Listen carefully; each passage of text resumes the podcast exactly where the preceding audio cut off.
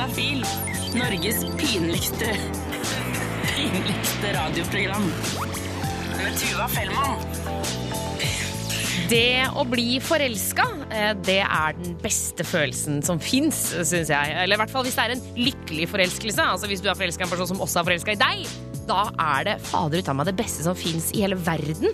Det er når det pirrer i hele kroppen. Det er akkurat som hjertet ditt gjør et lite, et lite fysisk hopp idet du hører navnet på personen som du er forelska i. Det er bare Å, herregud, det er den personen. Å, å, er hun eller han? Å, herregud, jeg får helt sånn Blir, blir helt sånn skjelven i hele kroppen. eh, Og man blir sånn deilig klumsete og generelt bare glad når den personen er rundt deg. Jeg syns det er helt fantastisk, men jeg lurer jo litt på altså, hva er det som egentlig skjer i kroppen vår når vi er forelska? Sånn helt fysisk. Det må jo komme mer av et eller annet, eller mindre av et eller annet annet inni kroppen som gjør at vi reagerer på den måten, som gjør at vi fniser av alt, eller bare kløner til orda. Og så lurer jeg også på når man er sånn typisk nyforelska, du vet man har truffet hverandre, og det er bare alt er helt magisk, så avtar den følelsen etter en liten stund. Hva er det som skjer da? Altså, er, det noe, er det noe da som blir trukket fra eller lagt til? Dette skal eh, vår reporter Remi finne ut av i løpet av dagens Juntafil-sending. Nemlig hva er det som skjer i kroppen når vi blir forelska? I tillegg så kommer Sex og Samfunn innom som alltid og skal svare på spørsmål du kan sende inn til 1986 Unnskyld, 1987. Jøss, yes, navn det var rart. 1987, kodeord juntafil. I tillegg så skal vi slå på tråden til Vicky Vett, som er en av verdens største pornostjerner, og som i tillegg er født i Stavanger, så dette blir helt topp, det. Velkommen til Juntafil. Juntafil hver torsdag fra fem til sju. Norges yndligste radioprogram. Eh, og akkurat nå skal det handle om forelskelse. Eh, det er jo noe de aller fleste av oss går gjennom en eller flere ganger i løpet av livet. Og så er det kanskje noe som skjer litt oftere på denne tiden av året. Jeg vet ikke helt. Men eh, hva som egentlig skjer inni oss når vi blir forelska, det tenkte eh, Juntafil sin reporter Remi at han skulle finne ut av. For jeg gikk her forbi, så så jeg at dere ser veldig forelska ut. Hva sitter dere og holder på med akkurat nå? prater og koser. Ja, når man ser kjærestepar som sitter på benker og nusser, så kan man jo ikke unngå å tenke at det er en ganske fin ting å være forelska. Sjøl om det også kan være vanskelig. Uh, ja, kanskje ikke den samme fylleangsten. Jo, kanskje litt, egentlig. Kanskje litt. Hvordan det? Nei, at det shit, herregud, hva var det jeg sa, eller hva var det jeg gjorde, eller bla, bla, bla. Jeg følte meg litt dum, generelt sett, egentlig. Men Var det på en måte vanskelig å, å si at du var forelska? Ja, den var ganske vrien. Jeg sa vel aldri det. Men hva er det egentlig som gjør at vi blir så rar og opphengt i en annen person? Jeg tok opp telefonen og ringte til Trond Amundsen. Han er professor i biologi på NTNU, og han kan forklare at det er tre hormoner som i stor grad utgjør forelskelsen. Noradrenalin det er det som gjør at vi får hjertebank og svette hender og tørr munn og sånne ting. Ganske upraktisk til tider. Um, og så er det dopaminen som, som, at, som gjør at vi får økt energi og økt tilfredsstillelse og lite søvnbehov og veldig sånn fokus på, på den man er forelsket i, og kanskje glede, svær glede over bitte små ting. Det, det har med dopamin å gjøre.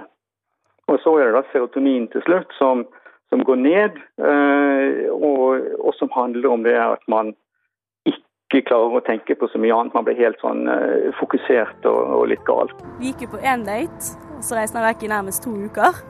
Men likevel så ringte han meg da når jeg var hjemme i Bergen òg, og ville prate med meg, og da merket jeg at eh, OK, han tar faktisk initiativ, og han ringer og han eh, lurer på hva jeg gjør på, og han lurer på hva jeg driver med. Så han viste iallfall interesse, da. Så da skjønte jeg at det er jo litt mer enn bare en date når han fortsatt har kontakt når vi likevel er så langt fra hverandre. Så det savnet dere på en måte merka det mest på? Ja. Egentlig. Men det som også er med denne forelskelsen, og som også kan forklares rent medisinsk, er at den faktisk ikke varer evig. Hvor lenge har dere vært sammen? Vært sammen i snart tre måneder, så det er ikke så lenge. For dere ser jo veldig forelska ut. Ja. Det er litt sånn nyforelska fortsatt. Ja, nyforelskelsen den vedvarer fortsatt, liksom? Ja, det vil jeg si. Men jeg blir egentlig bare mer og mer glad i hverandre for hver dag òg. Er så dere redd for at forelskelsen skal på en måte avta? Nei. Ikke foreløpig, nei. For nei. det er jo, som du sier, ganske ny forelskelse òg, så. så Og hvor lenge en forelskelse varer, det skal vi få vite rett etter Lemetre og INIA med Closer. Du hører på Juntafil her på P3. Dette er P3. Eh, og akkurat nå så handler det om den klassiske forelskelsen. Eh, og ordet som for øvrig ikke finnes på engelsk. Altså, vi har jo, de har jo et ord for kjærlighet, love, men de har ikke et ord som bare beskriver den tida hvor du oppfører deg litt sånn rart og søtt og klossete. Eh, og vi hørte nettopp eh, at det er forskjellige medisinske grunner til at vi blir sånn. Og det er jo litt rart å tenke på at hormoner kan gjøre at vi oppfører, oppfører oss på en helt annen måte enn det vi gjør til vanlig. Og kanskje enda rarere er det at denne forelskelsen, eh, fra naturens side, så er det noe som skal forsvinne etter ikke så altfor lang tid. Eh, Jeg ble jo veldig forelsket i kjæresten min på eh, videregående. Det tok litt tid. Plutselig så smalt det. Og da var jeg helt, da var jeg helt fortapt. Eh, Litt vondt, kanskje. Og hvordan er det? Eh, At du eh, eh, Når hun ikke er der, så kjennes det ut som du mangler en bit. Eirik er en høy og mørk student med briller og skjegg, og han møtte sin første store forelskelse på et ball på videregående. Jeg hadde vel på meg dress, tenker jeg. Men hvordan var, det, var du redd for at hun ikke var forelska i deg? Nei, jeg visste det. Så jeg var, jeg var, jeg var senere ute enn henne. Eh, jeg satt egentlig med en annen, eh, fordi man skulle ha forskjellige partnere, ikke sant. Og så eh, plutselig så var hun borte. Jeg vet ikke hva eh, hun hadde gjort, men eh, plutselig satt hun ved siden av meg. Hun snakket med disse jentene og fått dem til å flytte seg av. Og hun hadde bedt de, den en, egentlige jenta du var på date Ja. med, om å Mm. gå? Ja, jeg tror det. Men forelskelse varer ikke for alltid. Ikke bare billedlig talt, men faktisk rent medisinsk. Biolog Trond Amundsen har oversikt over hva forelskelse egentlig er. Ja, bare, den, En forelskelse varer ofte i ett til to år, kanskje ett til halvannet år. Og, og da går det som sagt over i at det, forelskelseshormonene de går sakte, men sikkert ned. Og så tar andre hormoner, først og fremst oksytocin, som er et sånt eh, bonding- eller tilknytningshormon, og sannsynligvis også vasopressin over. Så vi ble egentlig bare venner til slutt. Vi bare, det dabbet litt av. Jeg vet ikke, Vi vokste litt fra hverandre. Først så forsvant jo litt sånn forelskelsesfølelsen. Hvor lang tid tok det, tror du, før den forsvant? Ja, kanskje halvannet år. Den gale følelsen var kanskje litt borte òg. Eh, Sett fra et evolusjonært perspektiv så er det ganske lurt at man er sammen en stund hvis man skal, skal klare å lage disse ungene. Eh, For det er ikke alltid det blir unger ved første forsøk, som kjent. Sånn sett skulle det kanskje vært i 18 år, den forelskelsen til barna var ute av hus. Det hadde vært veldig kjekt.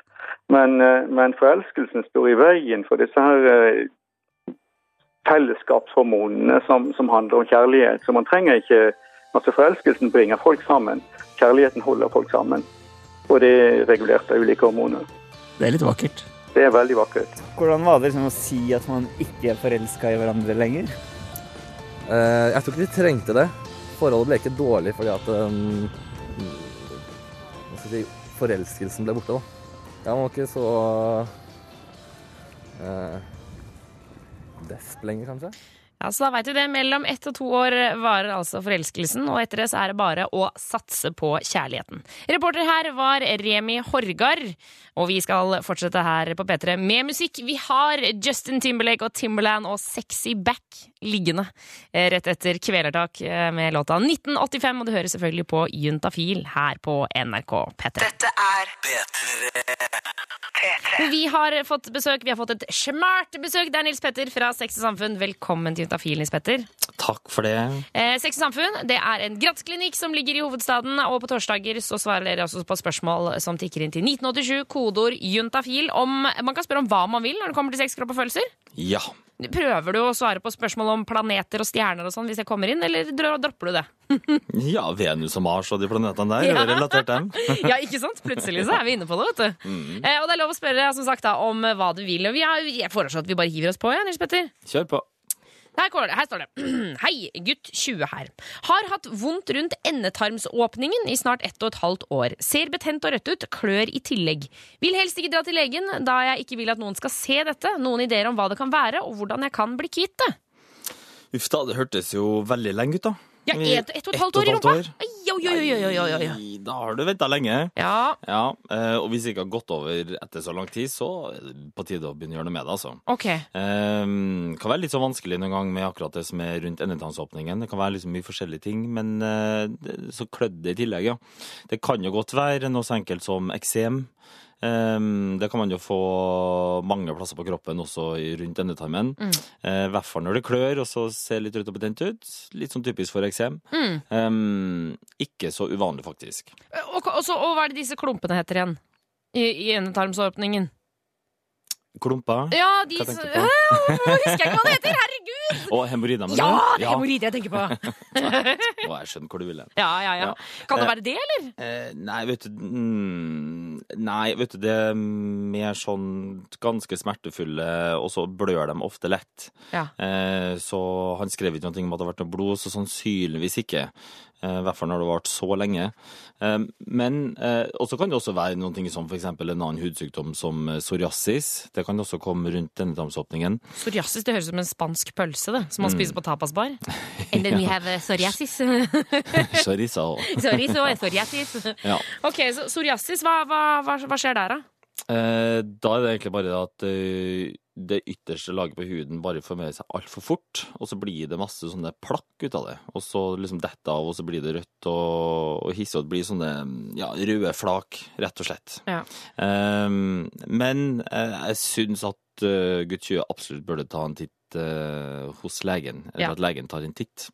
Du, altså jeg tenker sånn, Tenk her, gutt 20. Det er jo ikke sånn at du er den eneste som klør i rumpa, eller som er betent eh, rundt endetarmsåpningen. Det er tusenvis av andre mennesker som har det, og som også går til legen. Og de samme legene de har sett tusenvis av rumper før. Vi ser på rumpe, rumpehull og kjenner fingre opp i rumpa og alt det der hver dag. Det der er helt, eh, helt vanlig arbeidssak for oss, Ja. så det er ikke noe stress, altså. Det er som så, en dame som selger sokker på Hennes og Mauritz. Liksom. Det er sånn 'Å ja, du skal kjøpe sokker'. Kult. ja. Gratulerer med Eller du har vondt rundt rumpa, da ser vi på det. Ja. Så eh, det vil jeg absolutt anbefale, for det er litt sånn uh, dumt for meg å si kjøp den eller den kremen der jeg egentlig ikke helt vet hva det skal være. Nei. Um, men absolutt få det sjekka ut. Ok, Gutt 20, så her er det bare å puste med magen. Bestill en time hos fastlegen, og så kommer det til å ordne seg. Ja, fastlegen har sett mange rumper før. Og det er ikke sånn at dere fastleger, når dere er ferdig med timen, så går dere inn på bakrommet og bare 'Å, fy fader, nå så jeg den rumpa'. Nei, Og da spiser med brødskive med gulost der, og så lever vi av pasientene våre. det gjør vi ikke. Nei, Nei. det er godt å høre. Slapp av. Slapp av. Eh, 1987 kodeord juntafil hvis du der ute har flere spørsmål. Og gutt 20, du skal en tur til legen. Sånn er det bare. Ja. Eh, 1987, altså, med kodeord juntafil. Ta da gjerne med eh, kjønn og alder, så Nils Petter vet litt mer om eh, hvem det er. Dette er P3. Juntafil, hvor vi fortsatt har besøk av Nils Petter fra Sex og Samfunn.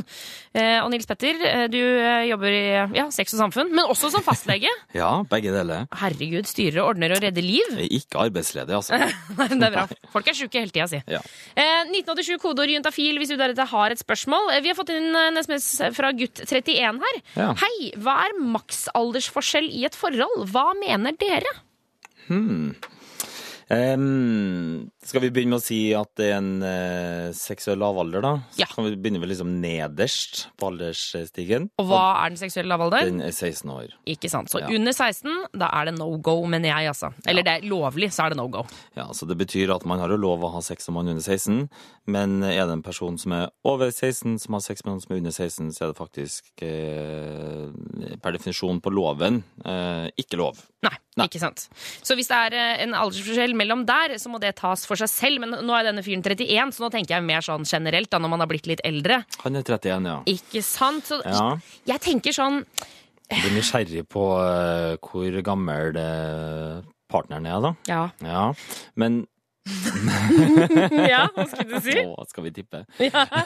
Nei, men jeg tenker Nei, men sånn altså, ja, hva tenker du? Nei, fordi altså hvis, eh, hvis uh, aldersforskjellen jeg, jeg tenker, Nå som jeg er blitt voksen, så tenker jeg at aldersforskjell ikke har så veldig mye å si. Mm. Det er mer oppførselen som har noe å si. Uh, sånn som hvis en av mine kompiser får en uh, ny kjæreste, og hun fremstår som veldig ung for meg. Hvis Mm. hun er liksom 19 år, så er det i utgangspunktet Det er jo ikke noe gærent med, med liksom forholdet, tenker jeg, men, men i det liksom oppførselen blir annerledes. Det er der jeg føler det skorter, da, hvis du skjønner hva jeg mener. Men det som jeg tenker også, fordi at her tenker vi kanskje at uh, ja, jeg, La oss si at han er sammen med ei dame, da. Mm. Og så tenker vi kanskje sånn litt intuitivt at hun er nå kanskje godt under 20 år. Men jeg tenker også kan godt være at hun er kanskje 45.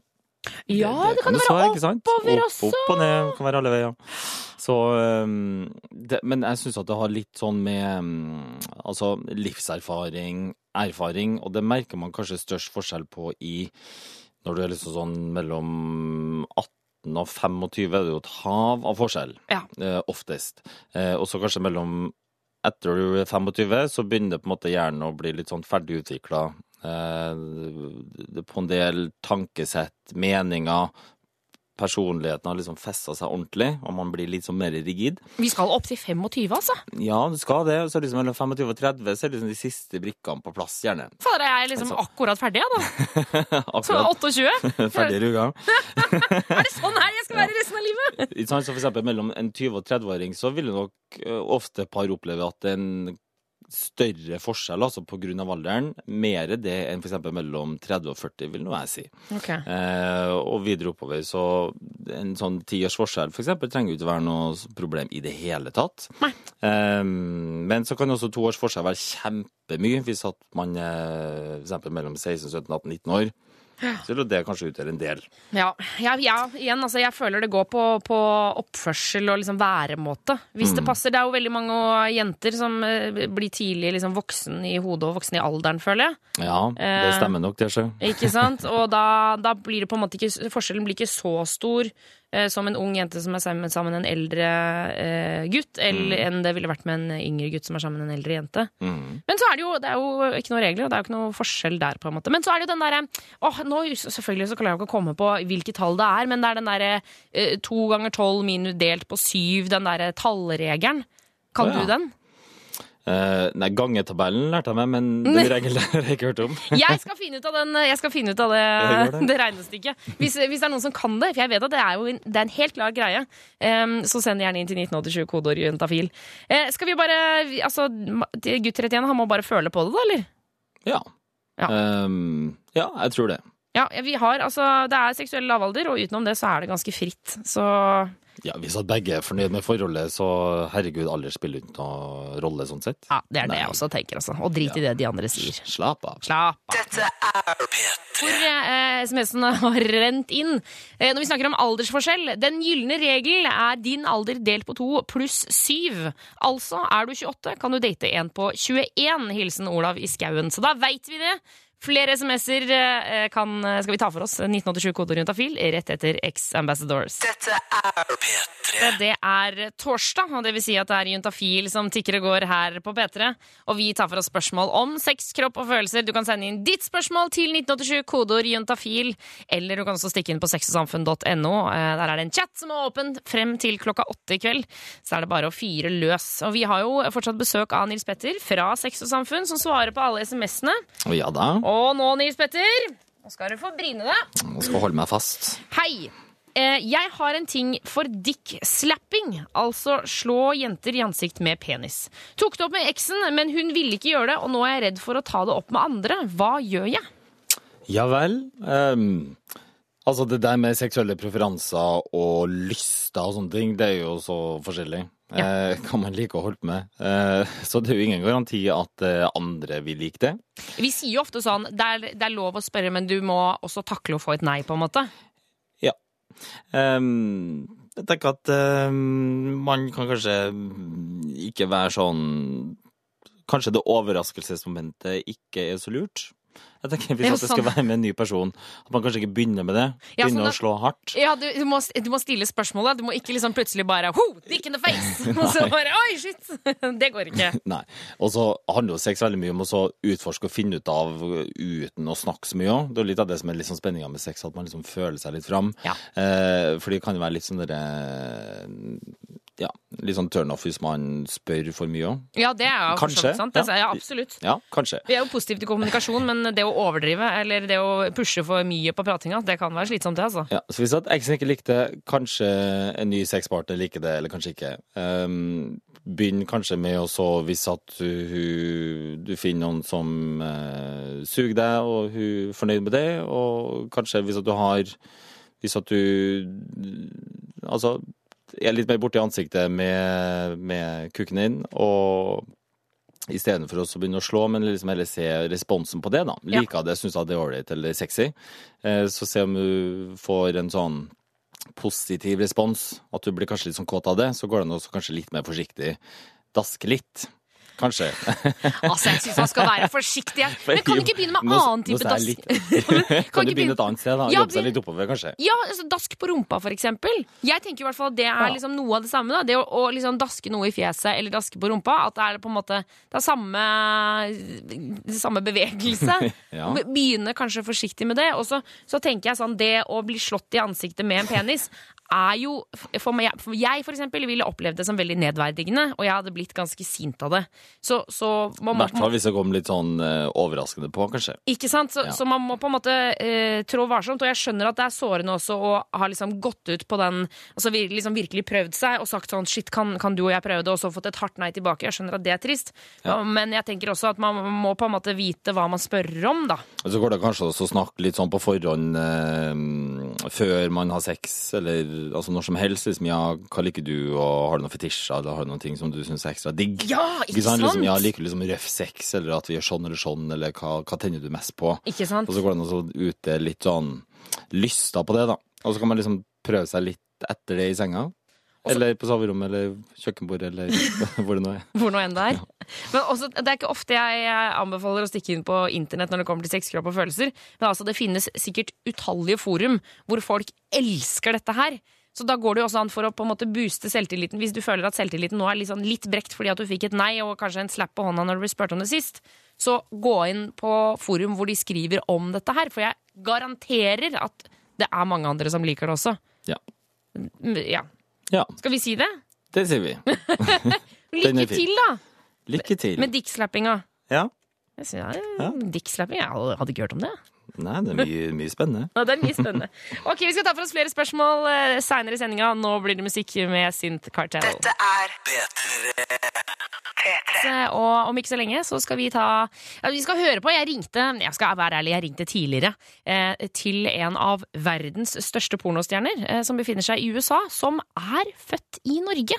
Og hvis du er en rutinert type innenfor pornoindustrien, så vet du at det er Vicky Wett jeg snakker om. Født i Stavanger eh, og begynte som pornostjerne i høy alder, altså. Eh, Vi skal eh, høre praten med henne om eh, Jeg hadde jo selvfølgelig masse spørsmål. Hun flytta fra Norge da hun var fem år. Jeg lurte på om hun fortsatt kunne norsk. Det skal vi finne ut av. Og ikke minst hvordan det er å være i denne enorme pornoindustrien. Dette er P3. P3. Eh, Og du hører på Juntafil, og her om dagen så satt jeg med noen kompiser og snakka om periodene hvor vi begynte å se på porno, og mimra tilbake til liksom, tiden hvor alle i klassen, særlig gutta, da, begynte å snakke om liksom, alle pornofilmene, alt som skjedde, og alle de store amerikanske stjernene. Og det var jo ganske fjernt, husker jeg. Det, var, det, føltes veldig langt unna. Men så kom det jo en norsk dame, og dette, jeg husker det ganske godt. Plutselig så snakka alle om den norske pornostjerna Vicky Wett. Hun bodde i USA og gjorde det dritstort. Og hvis vi nå spoler frem til eh, nåtid, da, så ble jeg sittende og tenke på, på denne Vicky. Altså Dama som er født i Stavanger og markedsfører seg som eh, the world's Hardest MILF. Og jeg har jo mange spørsmål, og jeg lurer på hvordan det er å spille inn en pornofilm, hvor man gjør det, hvorfor hun for eksempel valgte å begynne som 38-åring, og ikke minst, snakker hun fortsatt norsk? Um, jeg kan snakke litt. Jeg elsker min mormor og sjokolade, og jeg var født i Stavanger.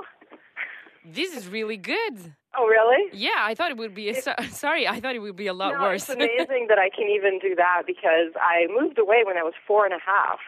And, you know, I visited a couple of times, and my grandmother visited here a couple of times, but that's it, really. wow. So I'm just amazed. When when I did move here, I brought with me some Donald Duck comics, Okay. and I, I used to read them all the time. And I thought that Donald Duck was Norwegian. I had no idea that it was an American thing, and I was so I was so upset when I found out. Because you thought it was Norwegian. Yeah, I did because I had only ever seen it, you know, on Norwegian TV in Norwegian, of course, and and I read the comics. Because I was thinking you you moved to uh, uh, to Canada and then to the U.S. and and you're can I ask you you started doing porn when you were 38 years old? Yeah, crazy, huh? Yeah, what happened? I just had an urge to be wild and crazy. I was living in a very small town. I felt with very closed-minded people, and I guess I was just bored, and I just wanted to have some fun. It was it was just you know I never knew what was going to happen. I just sent in some pictures. I had a, a subscription to Hustler magazine, and they have a contest in there where you know girls can just send in their pictures. So I, I had my husband take some Polaroids and send it in, and then next thing I know, I get a check in the mail for fifteen hundred dollars. Hey, you're a semifinalist. Come to LA and do a photo shoot. I'm like, oh, okay, cool. So I did my photo shoot. I'm like, wow, this was so easy and so fun. And so then they they put the um, the four, I think it was four or five semifinalists in the magazine, and then the voters, you know, the readers voted, and I won. They're like, okay, now you won five thousand dollars. Come back to LA and do the do the grand prize winning photo shoot. And so I did that, and then while I was there, the photographer said, "Hey, can you come do this girl girl photo shoot for I think it was Club International while you're here?" I'm like, "Yeah, sure." And then I went to do that one, and they said, "Hey, do you want to do a movie?" I was like, "Sure." So it was just it just kind of happened, you know. Og vi skal høre mer om karrieren til Vicky, annet hvordan det er å spille inn en pornofilm i hagen. Hjemme hos seg sjøl. Hvordan, eh, hvordan det er. NRK P3. Jeg har tatt en telefon til en av verdens største pornostjerner, nemlig Nick, Nikki. Unnskyld. Vicky Wett. Hun er født i Norge, men flytta da hun var fire år. eh, Og begynte med porno da hun var 38 år gammel, etter å ha vunnet en konkurranse hvor hun sendte inn noen bilder av seg selv til et magasin. Eh, Og jeg spurte henne da, for da, sant, da hadde hun sendt inn bilder, hadde vunnet den konkurransen, og så begynte de å spørre sånn, har du lyst til å være med på en film og sånne ting. Og så spurte henne om det var et spesielt øyeblikk hvor hun tenkte at ok, nå begynner jeg med porno, eller om det bare skjedde, på en måte. It just kind of happened, and I kind part time because I was running my own business, and it was just something that I did part time just for fun. But then I just started, you know, working more and more, and eventually it became full time. And then the other business went away. It just kind of took over. And, and if you could d- describe like a, a normal day when you're in the porn industry? Well, now is completely different because I stopped shooting for everybody else in 2006. I wanted to own everything that I shoot because, first of all, I'm not getting any younger, you know, and um, you have to have an exit strategy. So the thing about porn is you can make a lot of money fast, but it's not long term. I mean, they say the average girl has 300 scenes, and then after that, nobody wants to shoot you anymore. Then you then they want you know new models, right? So I stopped shooting for all the companies, and I I did my website, and everything I shoot I own, and so now even even products that I shot back in 2006, I'm still making money off of it today. And and the thing about shooting for yourself too, you can shoot what you want with who you want. You know, you're in total control of everything. But so do you have like your own studio or how does it work? Oh, we should. We we did have a studio for a couple of years, but um, we found out that we just ended up working from home more, and so we were just paying for the studio for nothing. So we ended up getting rid of the studio, but we have a nice big house, and you know we shoot. But do you think it's something special, do you, or do you think everyone can do porn? No, I think it takes a, a really special kind of person. You know, it's not easy. The, the the hardest part is dealing with the public who just doesn't understand porn. You know, having someone tell you, "Oh, you're you're no good whore, you're trash." You know, "Oh, your father must be so proud of you." That kind of hurts. So that that part of it is really hard to take. If it wasn't for other people's attitudes towards us, it would be great. Hmm. Sometimes you have to end up leading a, a double life. You know, you can't really let your neighbors know what you do. So when we when we shoot, it's really on the down low. We keep it quiet, and we had a we did a big shoot here about two weeks ago. We had six girls come over, and we had some extra cameramen and everything, and we were shooting outside, and then there was people on the street trying to like hang out, trying to listen to us and like look through the. We we have we put up very heavy lines and heavy um like fake trees, like fake vines and everything, and they were telling everybody to be quiet, but you know we're so scared that the neighbors are going to find out what we're doing. Cause Because your neighbor, they don't, they don't know.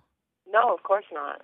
You know, you don't want your neighbors to know because, God, I I lived in Georgia, in a in a beautiful subdivision, and everybody loved me. Okay, they loved me. They loved my dogs. My house was so pretty.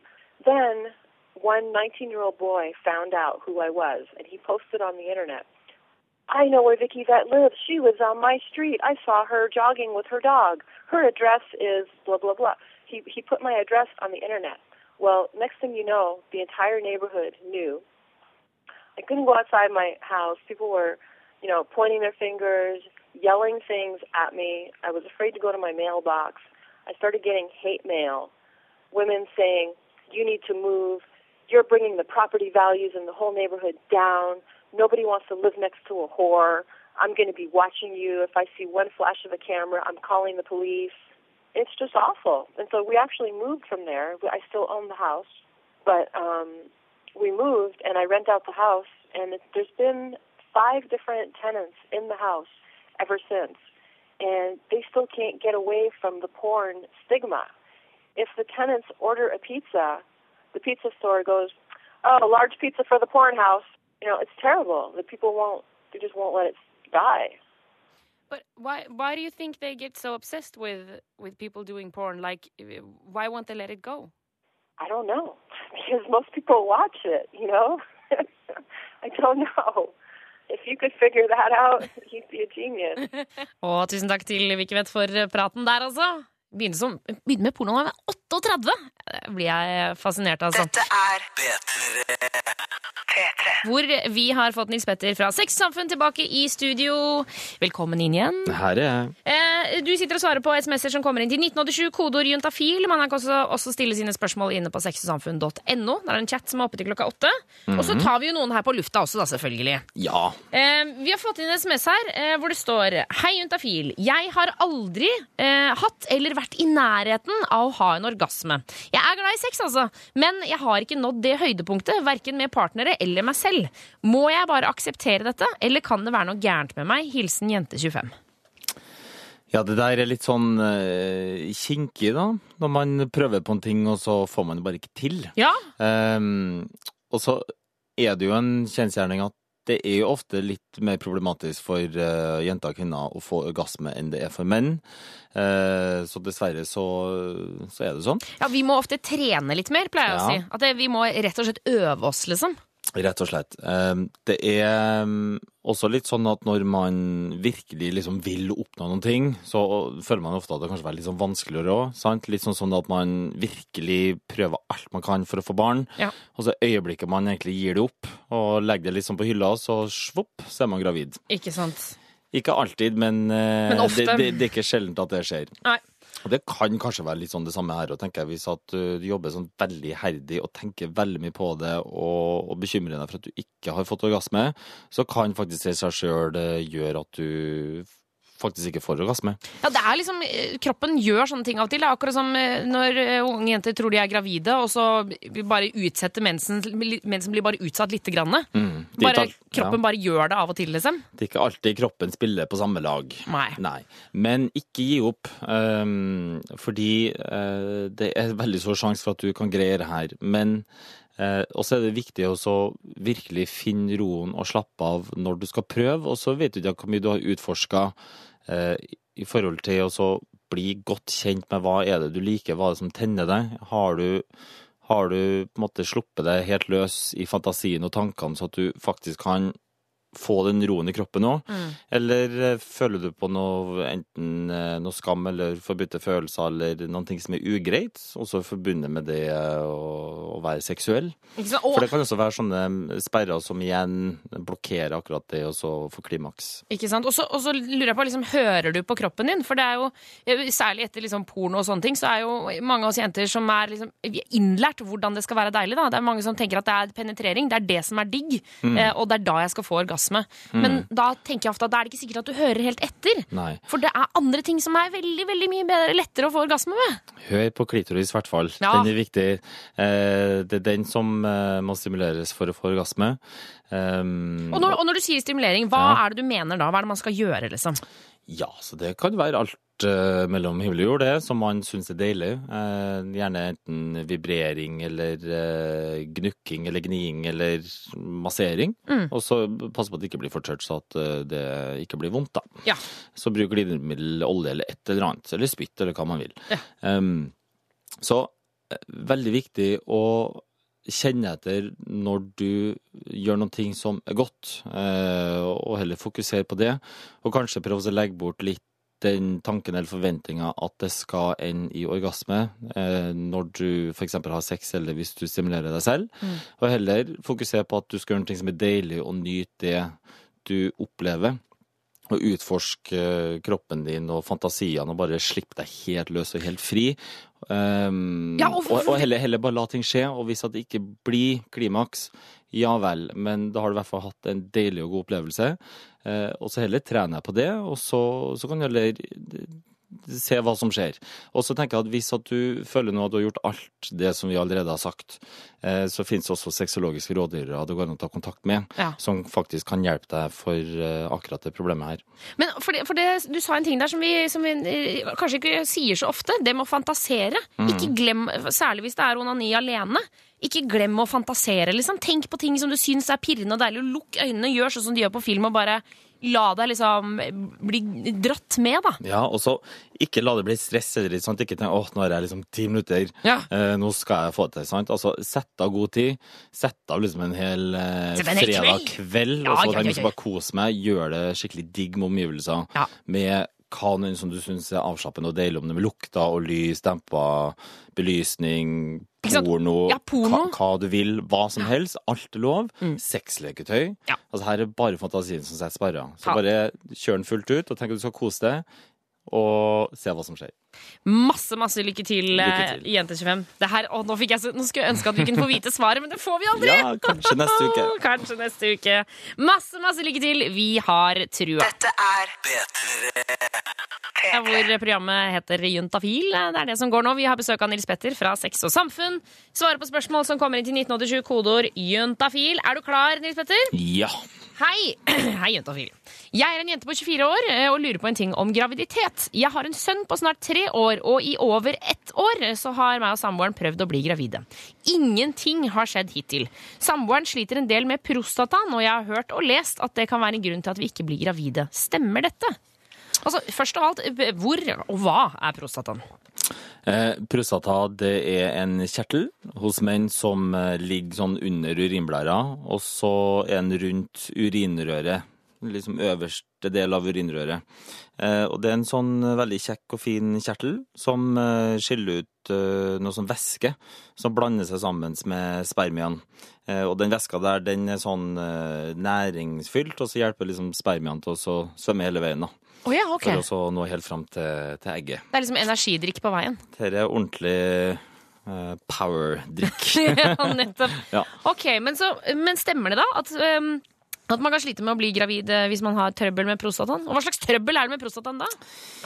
Ja, si det. Ehm, Det spørs jo litt på hvor gammel partneren er, da. Ehm, Men ofte så det vanligste det er at prostatakjertelen eh, vokser seg større, for den vokser hele tida. Eh, Så når eh, mannfolkene blir godt voksen og litt eldre, så kan man ofte få litt sånn problemer med den at den blir for stor, og så trykker den på urinrøret og gjør at det blir så vanskelig å tisse om på natta, tisse oftere og sånt. Um, det kan jo være andre ting også med den kjertelen. Det kan jo bli betent, og det kan være um, Nå vet jo ikke jeg hva det skulle være i hans tilfelle, men jeg tenker jo det hvis de har prøvd uh, i over et år, så trenger ikke det å være noe unormalt, det. Eh, vi bruker også å si til pasienter at eh, hvis dere prøver aktivt hele tida gjennom et helt år, og man ikke blir gravid, så kan man begynne å se litt om man skal undersøke mer medisinsk hva som er grunnen til det. Og det kan jo være både kvinne og mann. Um, hun har jo barn fra før, Mm. så kanskje mindre sannsynlighet for at det skulle være noe veien med hennes uh, um, Kropp, organer. Mm, ja. ja. Um, Det som kan være ehm, Altså, han kan jo for så vidt uh, få analysert om han har god sædkvalitet, da. Ja. Det går an. Det spørs litt på hvor i landet han befinner seg hen, hvor man får gjort det. Eh, litt flere og litt enkle muligheter til Oslo, men eh, sånn generelt sett eh, spør legen, Mm. fastlegen, for å få det sjekka opp. Det er helt greit. Um, og så kanskje også spør legen, for hvis at han har problemer med prostatakjertelen, så kan det kanskje også være større grunn til å få sjekka ut litt om er det god eh, svømmedyktighet på de sædcellene eller ikke. Ikke sant. Mm. Ok, så, så bare for å oppsummere litt her, da. Så det kan stemme at eh, hvis det er eh, noe trøbbel med prostataen, så kan det gjøre at det blir vanskeligere å bli gravid. Forstår jeg deg rett da? Ja, det kan det være. Ja, det kan være det. Um, Men det kan også være mange andre grunner til at de ikke blir gravide. Ja, altså det er mye som kan være, da. Eh, og det som sagt, det å prøve i litt over et år er absolutt ikke noe unormalt å ikke ha blitt gravid. Nei. Eh, det er mange ting som skal klaffe for å bli gravid, og det er nesten Altså det er uhorvelig mange grunner til at man ikke blir gravid. Masse tilfeldigheter også, så det trenger ikke å være noe som helst galt her. Men eh, det er innafor å få undersøkt det litt nærmere for å eventuelt utelukke at det ikke er noe sånn eh, dårlig svømmekvalitet på sædcellene, f.eks. Ikke sant. Eh, ok, lykke til, jente 24, og ikke minst eh, partneren der. Eh, vi skal ta for oss et siste spørsmål eh, her på Intafil i kveld straks. Hvis du sitter inne med et nå, så vil jeg anbefale deg å stikke inn på sexsamfunn.no. Der er det en chat som er oppe frem til klokka åtte. Vi har bare 15 minutter i denne sendinga, men vi skal få med oss litt mer før det, altså. NRK P3. Eh, Vi eh, begynner å nærme oss slutten. Nils Petter fra Sex og Samfunn, vi skal få med oss et siste spørsmål eh, før du får gå hjemover. Er du klar? Gud, som tida flyr, altså. Ja, herregud, det er jo bare minutter igjen her. Eh, Det står, det står Hei, Tuva, jeg har en kjæreste som er 16. Vi er flinke med kondombruk, men er mer keen på at hun skal begynne på p-piller. Hvordan skal jeg si til henne uten at det blir flaut for begge parter? Hilsen gutt 20. Ja. Eh, men det her er jo noe som ikke trenger å være noe flaut, ja. syns nå jeg, da. Eh, det er jo helt legitimt, fordi eh, det er fint det å være flink med kondombruk. Men hvis vi skal se på statistikk, da.